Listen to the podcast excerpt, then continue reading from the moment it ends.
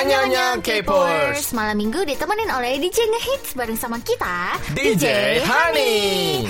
Hansol, bentar lagi kan musim semi ini Betul, ha? Kamu ada rencana gitu kak untuk mana gitu? Um, karena mungkin tahun ini ini ya aku lagi youtuber full time YouTube jadi aku pengen ke tempat-tempat yang mungkin banyak bunga mekar gitu kalau aku. Oh. Kalau Luna gimana nih? Kalau aku juga nunggu bunga-bunga sakura mekar Ih. sih Sakura lebih tepatnya Ih. Dan deket-deket sini kan soalnya emang Yoido kan terkenal, terkenal kan Dengan pohon-pohon sakura Bener Jadi banget. katanya kalau udah mekar Banyak banget orang-orang datang ke daerah sini loh Untuk foto-foto BTW Oh. eh, Yoido tuh deket gedungnya KBS gitu ya Dan eh, kalau udah yang namanya musim sakura kan di Korea Semua brand Mau cafe sampai makeup Semuanya kan ngeluarin edisi spesial sakura Iya, gitu pink pink putih-putih Betul gitu kan. sekali. Eh, jadi aku pengen cepet-cepet nyobain minuman unik-unik di kafe, minuman unik-unik kayak di um, es box gitu ya. Jadi jadi kalau kamu suka sakura nggak Hansol? Kalau aku kan eh, setiap pagi lihat cermin melihat sakura kan jadi Ya begitulah. ya sih maksudnya eh, mungkin aku nggak terlalu suka edisi sakura tapi aku suka pemandangannya waktu penuh dengan eh, bunga-bunga sakura ini kayak gitu. relaxing gitu ya.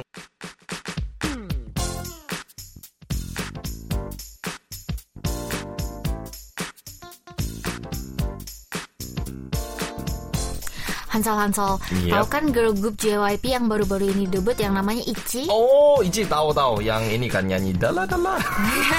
yang masih muda-muda dan juga sangat eh, bertalenta menurut saya. Kenapa ini kok saya ditanyakan tentang Ici tiba-tiba? Iya bener banget. Jadi netizen lagi banyak menuai pujian ke ITZY Lee Chaeryeong Oh. atas kesabarannya untuk debut di bawah JYP loh. Jadi idol ini pertama kali muncul itu di survival K-pop yang namanya K-pop Star 3 Oh, dengan oke. kakaknya yang namanya Cheon. Waktu berumur 11 tahun berduanya gitu ya. Maksudnya Che Chaeryeongnya waktu umur 11 tahun. Dan kedua kakak beradik ini pada tahun 2014 menjadi trainee di bawah JYP Entertainment dan muncul di survival show yang namanya 16 setahun kemudian di tahun 2015. Kedua kakak beradik ini gagal masuk ke dalam line up dan Chaeryeong tereliminasi dalam final show tersebut. Dan tahun 2017 Chaeryeong dan John Somi merupakan salah satu trainee yang satu-satunya masih bersama dengan JYP. Dan setelah John Somi meninggalkan JYP, membuat Chaeryeong menjadi satu-satunya trainee yang masih bersama dengan label ini. Wah. Dengan Chaeryeong, eh, jadi dengan Chaeryeong yang sangat sabar menunggu debut selama lima tahun training, banyak netizen yang tersentuh dan memuji ketika menonton MV Behind the Scenes Tala Tala. Dan memuji karena sudah sangat sabar masih bersama dengan JYP selama itu. Ada yang komen, "Oh, ia masih terus tetap training bertahun-tahun ini ketika teman-temannya seperti John Somi, Jiwon, dan kakaknya sudah menjadi bintang dan debut. Jadi ketika melihat Chaeryeong debut, jadi benar-benar ingin yang terbaik untuk dia. Wah, ini Keren ya? eh, suatu cerita yang mengharukan karena nggak mudah zaman sekarang untuk ini ya suatu trainee untuk bertahan di satu perusahaan nggak Ah. kan banyak yang sekarang pindah-pindah pindah soalnya mereka eh, banyak yang kayak setelah pindah malah bisa debut gitu loh Uh-uh. Dan sabar banget gitu ya. Wah. Hmm, dan ada juga yang komen, Chaeryeong I love you so much. Kamu udah sabar dan kerja keras akhirnya terbayar gitu.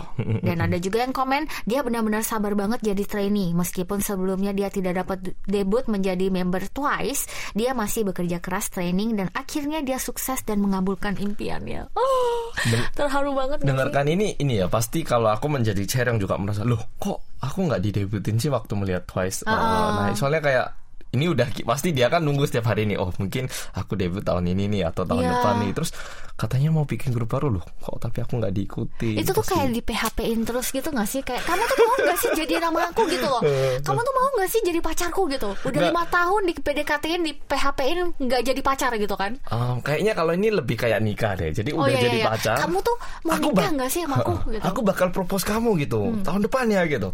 Udah ditunggu kayak cincinnya udah disiapin. Eh ternyata buat cewek lain. Terus tahun depannya tunggu lain katanya mau bikin cincin nggak ada uangnya katanya. Jadi Wah, pasti hebat sih. susah banget sih ini. dan katanya kan kalau misalnya jadi trainee kan salah satu kontraknya tuh nggak boleh pacaran kan dan itu Oh. kalau misalnya masih muda seperti itu biasanya kan pasti ada eh, cobaan-cobaan maksudnya dideketin sama cowok lah Apalagi lima suka tahun. sama cowok lah apalagi masih teenager gitu kan masih kayak eh, Waduh. masa-masa puber gitu kan Apinya membara-bara dan ini. benar-benar jadi trainee itu banyak sacrifice-nya banyak apa sih sacrifice Pengorbanan. pengorbanannya gitu Betul ya sekali. Jadi ini hebat banget sih kalau kamu uh, jadi trainee terus harus nunggu lima tahun itu bisa nggak menurut kamu Eh, saya debut di YouTube dulu aja nggak apa-apa kayak ya. tapi nggak boleh punya tahun. YouTube nih ceritanya Aduh. Um, um, karena saya tidak berbakat, tidak bertalenta sebagai Ceritanya penyanyi. berbakat oh, ceritanya berbakat. Um, um. Dan saya harus melihat teman teman-teman saya debut dulu ya. Iya. Padahal latihannya mungkin lebih singkat. Kalau aku sih udah lima tahun udah putus asa tau gak sih? Kayaknya tahun ketiga mulai depresi, mulai menurun sepertinya performanya, nggak bisa bertahan dengan baik sih. Ya kan? Kayak Kak Iya Sani sih. gimana kalau Kak Sani? Kalau aku sih lima tahun aku nggak tahu ya, soalnya kayak aku bakalan depresi ke tahun kedua, terus habis itu langsung balik kuliah sih. Hmm, eh, tapi kalau dipikir-pikir, ini kan seperti Sharon kan salah satu orang yang pernah muncul di TV gitu loh. Jadi Ah. orang-orang tahu kan. Tapi aku yakin pasti banyak juga trainee-trainee yang lain yang mungkin udah latihan 6 tahun, 7 tahun, 8 tahun, 9 tahun atau lebih lama lagi hanya saja nggak pernah muncul di TV gitu loh. Ya nggak sih? Oh iya ya. Apalagi mereka ya, mereka pasti kan orang-orang nggak ada yang kenalin gitu loh. Kamu siapa? Emang emang latihan di JYP Iya iya gitu. iya iya iya. Wah itu sih bener-bener eh, ya gimana ya ngeces banget gitu gak sih? Kayak aduh. Udah gitu, lah. misalnya nggak debut kan udah kayak buang waktu gitu nggak sih misalnya Iya, nggak iya, bisa iya, jadi iya. Ya. Ah, keren banget ya Cereong tetep benar-benar selamat lagi sekali atas debutnya dan semoga makin sukses dan bersinar ke depannya.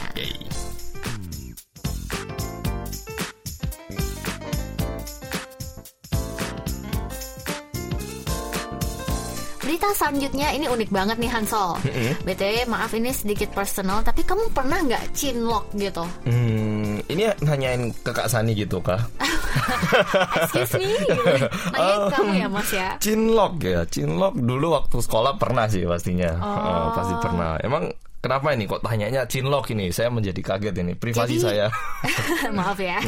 Jadi ini berhubungan dengan fix, tapi bukan fixnya secara langsung. Loh. Jadi begini Hansol. Jadi tanggal 16 Februari lalu, manajernya fix Kushinu dan juga stylist Kim Nayeon diberitakan menikah di Hall Yongdongpo. Itu dekat rumah tante aku loh BTW.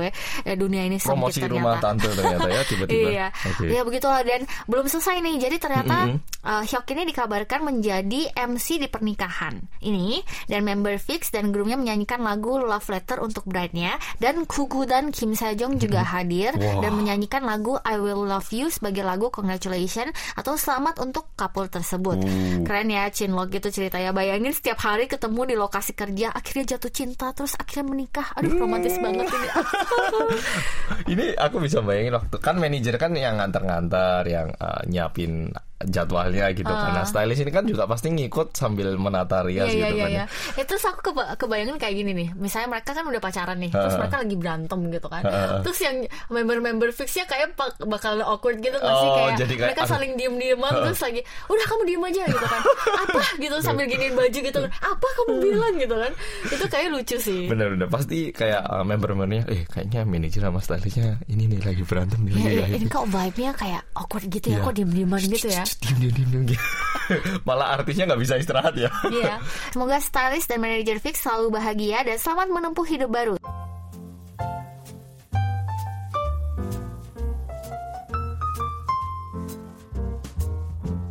Oke, sekarang kita masuk ke Dear DJ. Mari kita bacain sekarang Dear DJ-nya. Mau dimulai nggak Hansol? Oke, ini dari Orin. Ya, Iya. jadi dari Orin. Pertanyaannya ke Kak Sani ternyata. Wah, Aku halo. mau nanya Kak Sani dong. Emang bener ya? Nggak semua orang Korea itu ramah-ramah. Kadang aja ada juga yang julid, apalagi ke warga asing. Katanya Hmm. diliatin dari atas sampai bawah terus disindir. Ngapain sih dia gaya tapi kok naik bis? Kan biasanya turis atau influencer Indonesia bajunya branded dan naik bis. Nggak semuanya naik taksi gitu. Ah, itu Mungkin dari Kak Sani dulu. sebenarnya. aku juga sering naik subway gitu kan. Tapi eh, di ini kayak habis nonton video aku yang ini realita hidup di Korea sih. oh ini toh sumbernya ini Iya, loh. Sumbernya. oke oke. Tapi di video itu di disclaimernya aku udah uh, mention bahwa uh, nggak semua orang Korea judgmental, nggak semua orang Korea seperti itu gitu kan. Ada yang baik juga. I think uh, it's relatif sih. Soalnya ke mana pun kita pergi, mau Indonesia, mau Singapura, mau negara lain, di mana-mana pasti kita akan ketemu yang orang yang tidak begitu friendly gitu kan.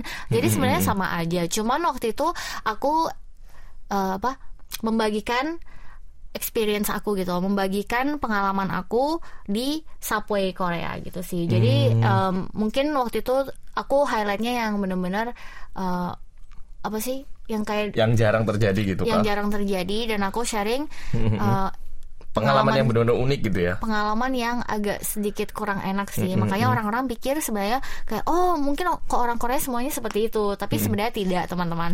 Uh, banyak yang baik.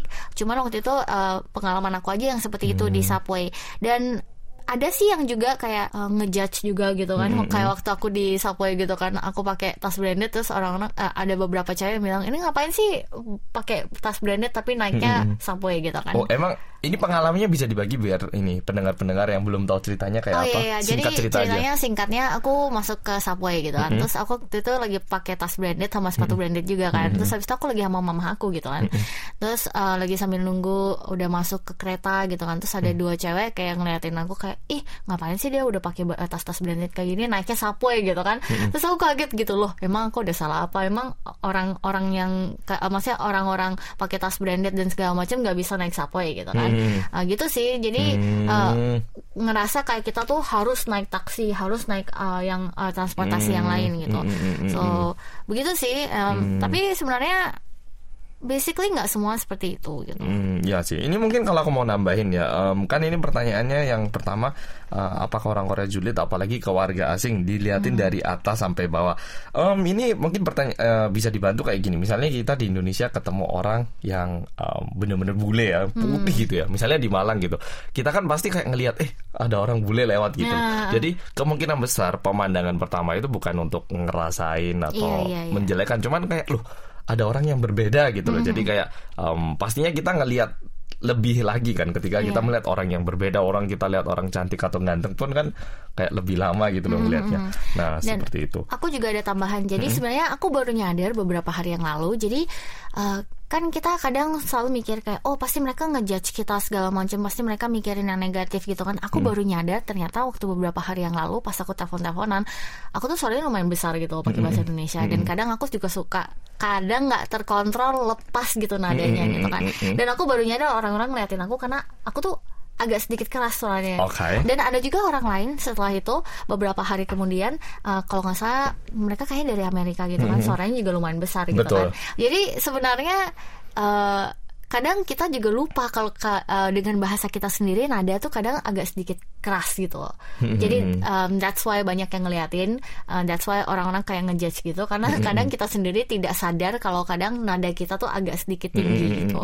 Jadi uh, jangan hanya dilihat dari oh orang Korea tuh sangat judgmental banget, orang Korea tuh kayak um, nggak friendly gitu kan. Uh, kita juga harus lihat dari diri kita sendiri apakah kita keras atau tidak gitu mm-hmm. dalam intonasi gitu ya. Terus uh, mungkin nggak setiap kasus itu karena ini Korea mungkin misalnya aja nih di Indonesia ada hmm. orang yang pakai branded dari topi sampai uh, yeah, yeah, sepatu yeah. ya terus naik Transjakarta pasti orang-orang juga bakal loh kok naik bis maksudnya yeah, yeah, yeah. pemandangannya itu bukan negatif cuman kayak loh ini artis atau apa ya pasti yeah, ada yeah. pemikiran kayak baru gitu loh. Kayak jadi, heran gitu. Loh. Uh, uh, jadi ini nggak selalu negatif gitu. Iya jadi um, jadi Orin tidak semua mm -mm. negatif banyak ada yang ramah jadi relatif uh, setiap negara juga sama. Benar sekali. So ya semoga ini menjadi kayak referensi yang baik Betul. untuk kamu.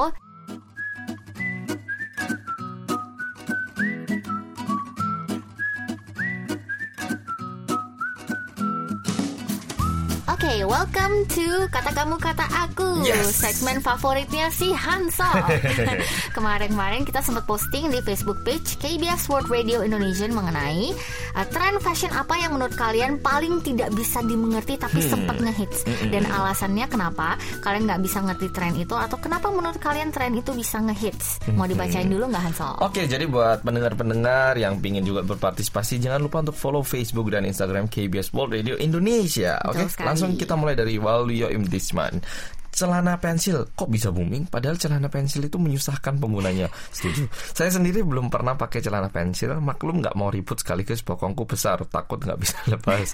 Bayangkan kalau lagi pengen banget BAB buang air besar bisa-bisa BAB di celana. Soalnya terlalu lama buka celana pensil. Eh bentar-bentar. Oh. celana pensilnya yang kayak gimana skinny jeans skinny oh. jeans. Soalnya kan oh. pensil kan kayak kecil terus makin ke bawah makin ini kan makin oh. lancip gitu loh.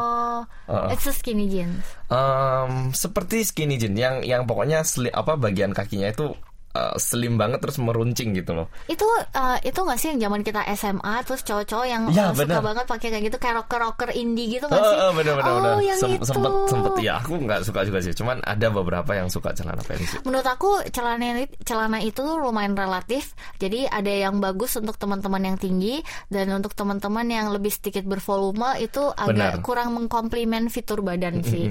Jadi uh, hit or miss juga. Aku dulu nggak gitu suka sih sama yang celana pensil sih un- cowok-cowok karena kelihatannya tuh kadang rada aneh Terlalu gitu. kurus ya. Eh, ada yang terlalu kurus, ada yang Kakinya kurang, gede kurang tapi. mengkomplimen. Eh, Jadi kayaknya kalau gitu. celana pensil ini menurutku ya, aku juga sempet suka. Tapi celana pensil ini cocoknya buat temen-temen yang kakinya itu lebih slim Iya. dan uh, proporsinya bagus Ah, tubuhnya. Kalau bisa yang agak kurus, biasanya yang cocok Yang itu yang agak kurus. loh. Iya, Iya, yang iya. kurus panjang gitu. Biasanya ah. gitu. Kalau yang agak gede pakai ini kelihatannya itu kayak pakai yoga pants gitu Oh cowoknya. iya iya iya benar-benar. Jadi, yap, Ya, seperti itu. selanjutnya dari Naila Naufi. Tren fashion yang nggak bisa dimengerti sama aku itu tren baju outer yang bahannya plastik, kayak yang dipakai Hwasa. Soalnya kayak jas hujan jadinya. Hmm. Terus bukannya malah gerah ya pakai bahan kayak gitu gitu. Pasti co- nggak cocok banget dipakai di, di Indonesia yang malah banjir keringat bukan kelihatan kece. Kelihatan uap airnya gitu itu ya. yang itu berarti em, ini kan dulu sempat dibikin tren banget kan sama Park Jin Young kan ah, celana yang kan. celana plastiknya ah, kan dan habis dulu. itu dibawa tren lagi eh, sama Hwasa yang waktu ini eh, lagunya tweet itu dan menurut aku ini juga salah satu fashion trend yang aku agak sedikit tidak mengerti soalnya eh, enak dilihat tapi tidak enak dipakai gitu sih Masa enak dilihat sih? Aku kayaknya aku suka aja sih karena dalam eh, dalam sisi artistik aku bisa benar-benar Ada apresiasi itu ada Oh. nilai seninya eh, ada mungkin ada arti di dal- di belakangnya itu Oh, eh, kita ada tidak tahu maknanya gitu gitu ya, ya. Iya. Oh. tapi untuk personally kayak aku nggak bakalan pakai pakai sih. ya sih. Sepertinya ya sih. Pokoknya kayak gitu. Lanjut dari Rona Rossi. Anyong DJ Hani. Halo. Eh, tren yang tidak bisa dimengerti buatku ada banyak banget sih ya DJ. Tapi ada baru-baru ini aku lihat ada celana dan jaket jeans yang terlihat seperti noda lumpur. Oh. Menurutku ini aneh aja gitu DJ dan bukan hanya aneh tapi juga mahal. Dan satu lagi sepatu yang mirip seperti celana DJ.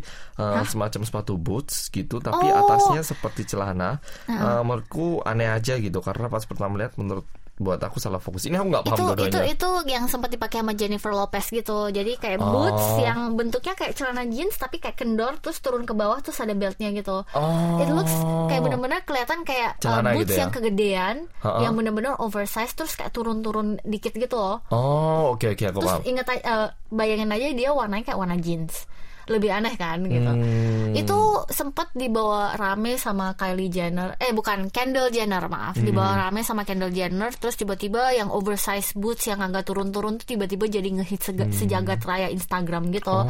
jadi itu sih tapi kadang aku se- sesuka-sukanya fashion btw ngomongin fashion ya Hmm. uh, rest in peace Karl Lagerfeld uh, bener-bener se- se- seseorang legend banget Hmm. di dunia industri fashion aku pingin banget uh, agak nyelipin ini sebentar karena Hmm, kita ngomongin fashion kan? Jadi kita harus mengapresiasi fashion dan seorang kita habis kehilangan seorang legend legend guys legendaris Hmm, fashion di dunia industri yang meramaikan Chanel dan Fendi.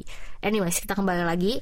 Uh, itu itu sih yang aku agak sedikit tidak mengerti soalnya um, kadang terlalu artistik sampai aku bingung gitu loh. Oh ya sih. Kadang ada batasnya juga. Kalau terlalu artistik kayak ah dunia di mata dunia orang yang tidak tahu seni itu kayak itu apa ya?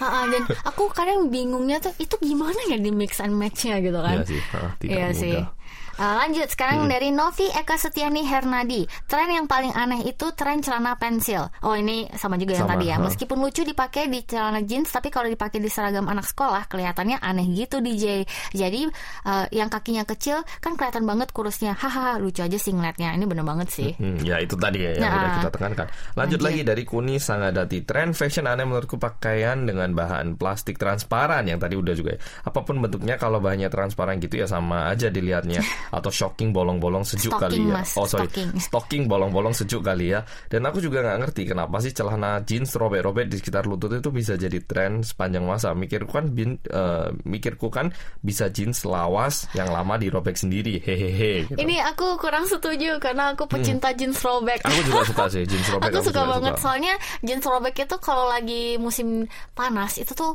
uh, Isis adem banget gitu ya teman-teman kalau ada angin-angin masuk itu kayak uh Oh. gitu enak banget. Cuman uh, jeans robek ini sebenarnya udah zaman dulu banget sih mulai dari tahun 1980 1970 diramein di uh, dunia fashion juga dan akhirnya kembali lagi uh, di tahun 2018 dan 2019 sebenarnya fashion yang robek-robek ini lebih kelihatan uh, vintage sih dan Mm-mm, lebih benar. kelihatan uh, Street street, gitu ya, fashion casual. tapi casual dan sangat muda sih jadi mungkin banyak benar. aja yang suka tapi nggak semua orang of course suka sama uh, tren ini karena nggak semua orang suka sama baju-baju robek gitu ya Kalau aku sih suka jeans yang ada jahitannya, tahu nggak? Yang robek tapi ada jahit, bukan yang bolong. Maksudnya Kan jeans ada yang agak bolong, yang kelihatan dagingnya. Ah. Ada yang ada jahitannya gitu loh. oh Tahu nggak bedanya? tahu tahu tahu nah, tahu, tahu. kalau aku yang bolong kurang suka sih karena oh really ya karena aku merasa kayak ah, ya terlalu terbuka gitu loh. Kalau aku suka yang ada jahitannya gitu. ada jahitannya gitu ya oh oke oke oke Oke, lanjut. Mhm. Uh, dari Niken Azizah, menurut aku fashion uh, tren fashion yang nggak bisa dimengerti alias aneh bin ajaib adalah fashion G-Dragon. Kalau pakai topi pasti ada bulldog paperclip yang dijepit topinya. A- apa itu? uh, apa gitu faedahnya wewek wewek gitu kan. Tapi apa pun yang dipakai GD pasti viral dan trendsetter kan DJ betul sekali. Terus ada lagi nih DJ yaitu celana kedodoran uh, Justin Bieber. Sumpah itu kalau dilihat ya kalau pa- kayak pakai popok dalam celana gitu melorot-melorot gimana gitu ya. Kayak kegedean di pinggang alias melar itu sempat banget ngetren juga sih. Eh, aku inget banget waktu aku SMP atau SMA cowok-cowok di kelasku tuh banyak banget kayak eh, celananya kedodoran. Itu beneran kalau aku bersin kayaknya celananya bakalan jatuh gitu. Itu langsung kelihatan gitu ya. langsung kayak der gitu jatuh. Saya Oh. bener-bener kayak udah Di melewati kayak pantat dikit tapi kayak masih Oh. kayak di situ cuman kayak eh, bentar lagi copot gitu Oh. dan waktu itu waktu zaman aku SMA mereka kayak ini fashionnya tuh kayak harus memperlihatkan boxer mereka setengah Aduh. gitu zaman-zaman dulu gitu ya Saya itu yang benar-benar tren yang aku nggak ngerti dan aku benar-benar eh, setuju banget sama Niken Hmm, ya kalau saya kurang suka menunjukkan pantat saya, jadi saya tidak suka dengan fashion ini. Oke. Oke. Berikutnya dari Dwi Budi Raharjo, tren fashion yang norak pasti cepat ngehit, apalagi ditambah pakai artis yang kontroversial katanya Ah, gitu. iya benar sih benar sih ini benar banget kadang bisa hit kadang bisa miss sih Bener. Iya. ah, ada juga yang miss kok. Mungkin berikutnya Kak Sani. Nurina Ayu Ningtyas Mungkin kalau generasi old alias K-pop old tahun 2000-an pasti tahu fashion hits long hair buat boy group seperti Super Junior. Tapi yang se tapi yang seiring berjalan waktu paling menarik perhatian waktu aku lihat fashion uh, style era Walking New East. Baju yang dipakai sama Hwang Minyeon itu sebenarnya mau diperlihatin seksi backside tapi cuman setengah aja jadi kelihatan aneh. Oh. Jadi mending copot gitu ya sekalian. Iya iya iya, kayak tanggung-tanggung gitu ya. Oh. Oh, I see. Lanjut Hansel. Oke, berikutnya dari Okta Ayu Melia Widanti. Tren teraneh yang pernah ada adalah tren Bulu bulu ketiak berwarna. Emang ada? Sempat ada dulu aku pernah Ah, lihat. serius? Ya, jadi pernah nonton salah satu tayangan di TV temanya tren yang ada di J. Dan salah satunya adalah tren di mana orang-orang mewarnai bulu ketiak mereka Oh seperti warna rambut. Jadi bisa warna kuning, merah, biru, kakak Oh tidak. Kenapa God. tren ini sampai hits di barat? Unik dan lucu sih men- menurut aku Oh gitu. bayangin deh kamu tiba-tiba lagi kayak angkat tangan terus kayak ketiaknya warnanya hijau gitu. Itu lumut mah namanya, bukan ih. oh my god, ini interesting banget. Aku nggak pernah tahu loh ini. Em, ini sempat ini sih sempat baca juga aku tapi em, gimana ya? Aku bayangin kalau nyemir gimana? ya? Masa sambil angkat satu tangan ya? Sebenarnya masih belum selesai ya, jangan ditekuk Sampai dulu pegel tangannya gitu gitu. Hmm. ngangkat tangannya gitu ya. Wow, oke. Sekarang lanjut dari Emma Gint atau Gint. Sekitar tahun 2002 sampai 2004 sempat ngetren celana jeans dengan model payung ke bawah. Hah? Oh, uh, Elvis Presley gitu ya. Jadi pada saat itu rasanya ngikutin tren banget kalau pakai celana model gitu. Tapi sekarang kalau diingat-ingat rasanya silly banget. Itu pasti kayak ini ya. Yang uh, baunya trompet. lebar itu ya. Oh, trompet kan ya. Iya, iya. Tapi sekarang udah balik lagi loh. Tahun ini ngetren banget soalnya. Hmm. Banyak banget di Korea yang ngeluarin jeans kayak gitu sih. Yang bisa dikipat-kipat itu kan, yang bisa ditepuk-tepuk gitu. Bisa bisa ini masukin ayam di bawah gitu. Bisa sembunyi nasi bungkus satu gitu ya. Iya, dua mas. Oke, berikutnya dari Eko Andri Di masa kini, tren fashion cepat sekali tenar dan berkembang pesat. KBS World Radio Indonesian Service, apalagi dipakai oleh tokoh publik figur, pasti menjadi booming. Inilah yang dinamakan budaya pop. Walaupun dikenakan terasa pas banget, namun belum tentu sesuai dengan kita ya DJ gitu. Benar sih benar. Uh, Hmm. Ada fashion yang cocok, tapi ada fashion yang terlalu daring atau terlalu yang bold banget sampai kita mungkin untuk sehari-hari susah gitu ya. Betul sekali. Lanjut dari Melia Intania. Sekitar pertengahan tahun 2000-an, aku lupa tepatnya tahun berapa, kan sempat booming banget tuh DJ tren celana melorot di kalangan cowok-cowok Oh, yang tadi melorot. itu ya. Uh, kalau di Indonesia saat itu banyak yang ngikutin tren. Da- ta- Kalau di kalau di Korea juga nggak DJ. Katanya awalnya sih tren itu diper- diperkenalkan oleh rapper-rapper dan Justin Bieber DJ. Tapi aku agak risih lihat tren itu soalnya cowok-cowok kayak sengaja memperlihatkan boxer atau maaf CD-nya. Aku pernah juga baca artikel tentang tren itu dan ternyata tren itu sudah banyak dilarang di beberapa negara gitu. Kalau sekarang sih kayaknya udah hampir nggak ada yang ngikutin tren itu. Itu kita udah barusan udah ngomongin ya. Hmm, Ah. Jadi kita langsung lanjut berikutnya dari Nan Rena Vinustika Andini tren piyama puluhan juta yang dipakai artis-artis Hollywood.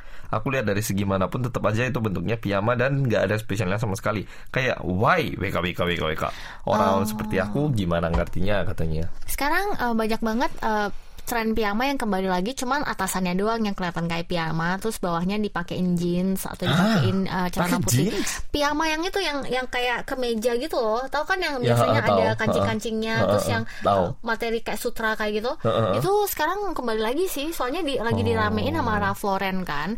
Jadi lumayan eh, ngehits lagi. Tapi aku sendiri nggak gitu ngefans sih sama tren ini tapi kalau disuruh pakai juga nggak bakalan Nolak. komplain gitu nggak Oh. bakalan nolak gitu so Kalau saya tidur sukanya pakai eh, pakaian yang dibutuhkan saja. Jadi hanya biasanya pakaian yang dalam saja kalau saya. Hmm. Oh, Jadi ini TMI teman-teman too much information Jadi kalau saya tidak bakal beli piyama. Jadi pakai-pakai pun pakai kaos biasa nggak kepake biasanya. aduh saya orang fashion yang kadang tidak make sense jadi mungkin saya bakalan beli pakai piyama itu dan saya bakalan pergi ke KBS World Radio Oh. untuk sosok ngehits gitu ya Seperti itu. begitulah seperti itu Um, Kalau menurutku sih ya setelah kita baca semua ini sebenarnya fashion itu pasti beda orang ada beda Iya, sense-nya, beda ketertarikan dan juga tergantung tempat kita pergi nggak sih masa ke tempat pesta sama tempat kita pergi kantor kan beda gitu loh Iya, iya, pakaiannya harus jadi menyesuaikan. Tapi Heeh. aku tuh orang yang sangat percaya banget sama fashion itu adalah so- sesuatu kayak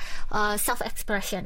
Hmm, Karena betul uh, benar-benar mengekspresikan Warna kita kan. seni kita dan uh, bagaimana cara kita memix and match dan kreativitas kita. Jadi aku benar-benar suka banget uh, sama fashion. Tapi Hmm. ada beberapa fashion yang ngetren banget yang aku sendiri nggak ngerti sih. Hmm. Cuman menurut aku fashion itu benar-benar sesuatu yang abstrak banget. Jadi Hmm. eh, makanya banyak banget tren-tren kayak gini yang ada yang kayak celana plastik, terus habis itu celana robek, ada Hmm. Benar, yang benar. high waist Benar. dan segala macam. Tapi eh, aku- kalau aku sih apa eh, nasihat aku untuk teman-teman yang suka fashion, eh, explore boleh, tapi maksudnya jangan terlalu sampai tidak nyambung gitu ya. Maksudnya sama eh, apa eh, tempat kerja. Betul sekali, harus cocok lah. Ya, lain-lain gitu.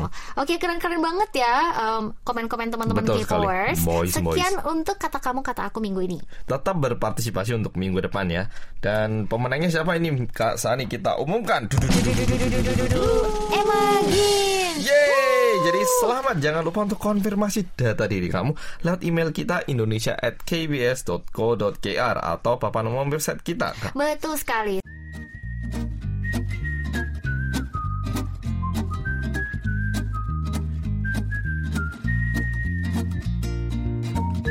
Mari kita masuk ke segmen Zaman Jigem Inho in the house. Apa kabar Inho? Kabar baik. Kalian apa kabar? Baik-baik si Inho hari ini guys dia pakai ini nih uh, topi rapper gitu. Jadi Benar, kita benar, barusan habis ngobrol ngomongin kalau misalnya kita harus kasih nickname uh, Lil Inho Lil gitu ya. Inho harus pakai petik ya, Lil petik Inho Iya gitu. betul sekali. Rapper banget hari ini. Habis ngeliput apa nih eh, rapper Inho minggu ini? Lil Eh, Inho. eh, gini, kalian biasanya kalau lagi capek, eh, lagi pengen healing, biasanya ke mana? Akuarium. Akuarium. Oh, Aku suka banget ke masuk ke akuarium. dalam akuarium gitu kalau Bukan nontonin hiu. Oh nonton hiu.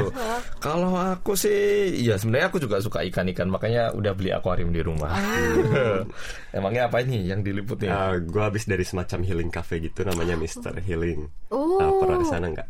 Belum, baru Belum, baru belum baru Oh ini. iya, baru dengar, fresh baru dengar ini. Ah, tempat ini sebenarnya kayak tempat pijet ya, Uh. tapi pijetnya pakai kursi pijet. Ah, dan katanya belakangan ini tempat ini tuh jadi tempat ngedate juga loh buat anak muda. Oh boleh juga tuh ini lokasinya di mana nih? Meskipun gue pergi ke tempat yang lokasinya di sekitar Suwon, tapi ternyata tempat ini bisa ditemuin di mana-mana. Contohnya kayak eh, di Sinchon, Yongdeungpo, dan Hongdae. Di Hongdae pun ada dua. Hmm, berarti cukup mudah untuk ditemukan ya. Dan bagaimana dengan ini yang paling penting untuk hari Betul ini sekali. biayanya, kosnya, berapa Oke. uangnya? Eh, harganya tuh mulai dari 13 ribuan sampai paket 100 ribuan untuk 10 kali. Oh. Eh, dan perbedaannya di waktunya aja. Tapi kayaknya kebanyakan orang ambil yang 13 ribu ini soalnya udah lumayan lama kok, sekitar 50 menitan. Oh gitu. Di sana suasananya kayak gimana sih? Pas masuk sih sama kayak kafe biasa. Eh, kita pesan minum dulu, terus kita diantar ke ruangan pijetnya. Eh, ruangan pijetnya tuh agak gelap, terus diputerin lagu yang bikin kita relax gitu. Uh, mungkin bisa dijelaskan tempat pijatnya itu seperti siapa dan ayo kemarin sama siapa nih Lil Inho perginya katanya kan ini cocok buat pasangan-pasangan apakah Lil Eh, Inho ya sama sama temen aja sih biasa. Oh. teman atau teman teman Ya jadi balik lagi ke ruangan pijetnya. Suasana ruangan pijetnya tuh bi- Suasana ruangan pijetnya tuh bikin relax, eh, agak redup terus Aduh, diputer- terus diputerin lagu-lagu yang bikin eh, Santai. santai, ya. Oh. Bisa dibilang private sih karena per Aduh, dua kursi itu dikasih skat atau pembatas jadi Aduh. nyaman. gitu. Nah ini kita bil- bisa milih menunya gitu kan? Kita bisa pilih pijetnya mau difokusin ke bagian yang kita mau.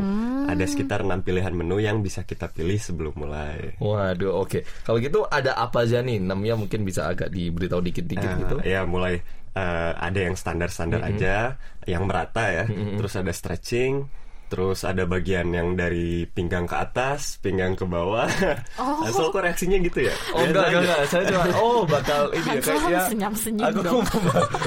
Senyumnya tuh kayak senyum bukan senyum gimana tapi senyumnya misterius gitu guys. Enggak maksudnya oh ternyata ada tempat seperti ini. Saya jadi kagum gitu loh. Tapi yang paling penting di sini adalah lu milih yang mana dong Nah, gitu. Kalau gue pilih ada namanya Hwalyok ya. Oh. Eh, ngerti nggak gue juga kurang. Halnya gitu kayak ini kan lebih vitalitas, lebih Oh. Nah, meningkatkan betul. vitalitas gitu. Jadi eh, dia ngefokusin ke bagian otot-otot yang Wih. kaku atau tegang. Wah. Ya, ini Si reaksinya agak aneh ya. Enggak, maksudnya kan kayak kayak bakal akan di Korea kita jarang pijet kan. Nah, ya. iya, kalau di kan Indonesia kan, otot-otot tuh kan- uh tegang nggak karu-karuan itu Iya. udah udah keras itu. maksudnya bahu gitu itu kan kalau kita kerja kantor belajar kan Iya, iya. leher-leher ini kaku semua kan Iya. keras-keras gitu nggak nyaman gitu. Waduh, boleh juga itu beberapa bulan sekali gitu ke tempat yang seperti itu buat ngilangin pegel-pegel kaku-kaku itu tadi. Iya, boleh banget. Eh, Apalagi kan lu sama Nuna nih pada sibuk Wih, banget ya. tentunya Oh, pasti badannya juga Leher. capek-capek, pegel-pegel gitu kan. Eh terus eh, minuman yang tadi dipesan minumnya di dalam. Eh, setelah beres pijetnya, kita balik ke ruangan yang kayak kafe tadi. Oh. Nah, di situ kita nikmatin minuman yang udah dipesan di awal. Waduh, jadi habis pijet minum, wah seger ya badannya, weh, enak bener ini. Eh, eh tapi pas lagi dipijit malah hampir ketiduran soalnya suasananya relax gitu jadi bikin ngantuk juga. Oh iya ya ruangannya redup, lagunya santai, dipijat pula pasti langsung ngantuk. Eh fotonya udah lu siapin kan? Eh, udah pendengar tinggal cek di world.kbs.co.kr slash Indonesia. Oke, makasih banyak Lil Inhao untuk Lil infonya. Sampai ketemu lagi minggu depan. Bye bye. Bye.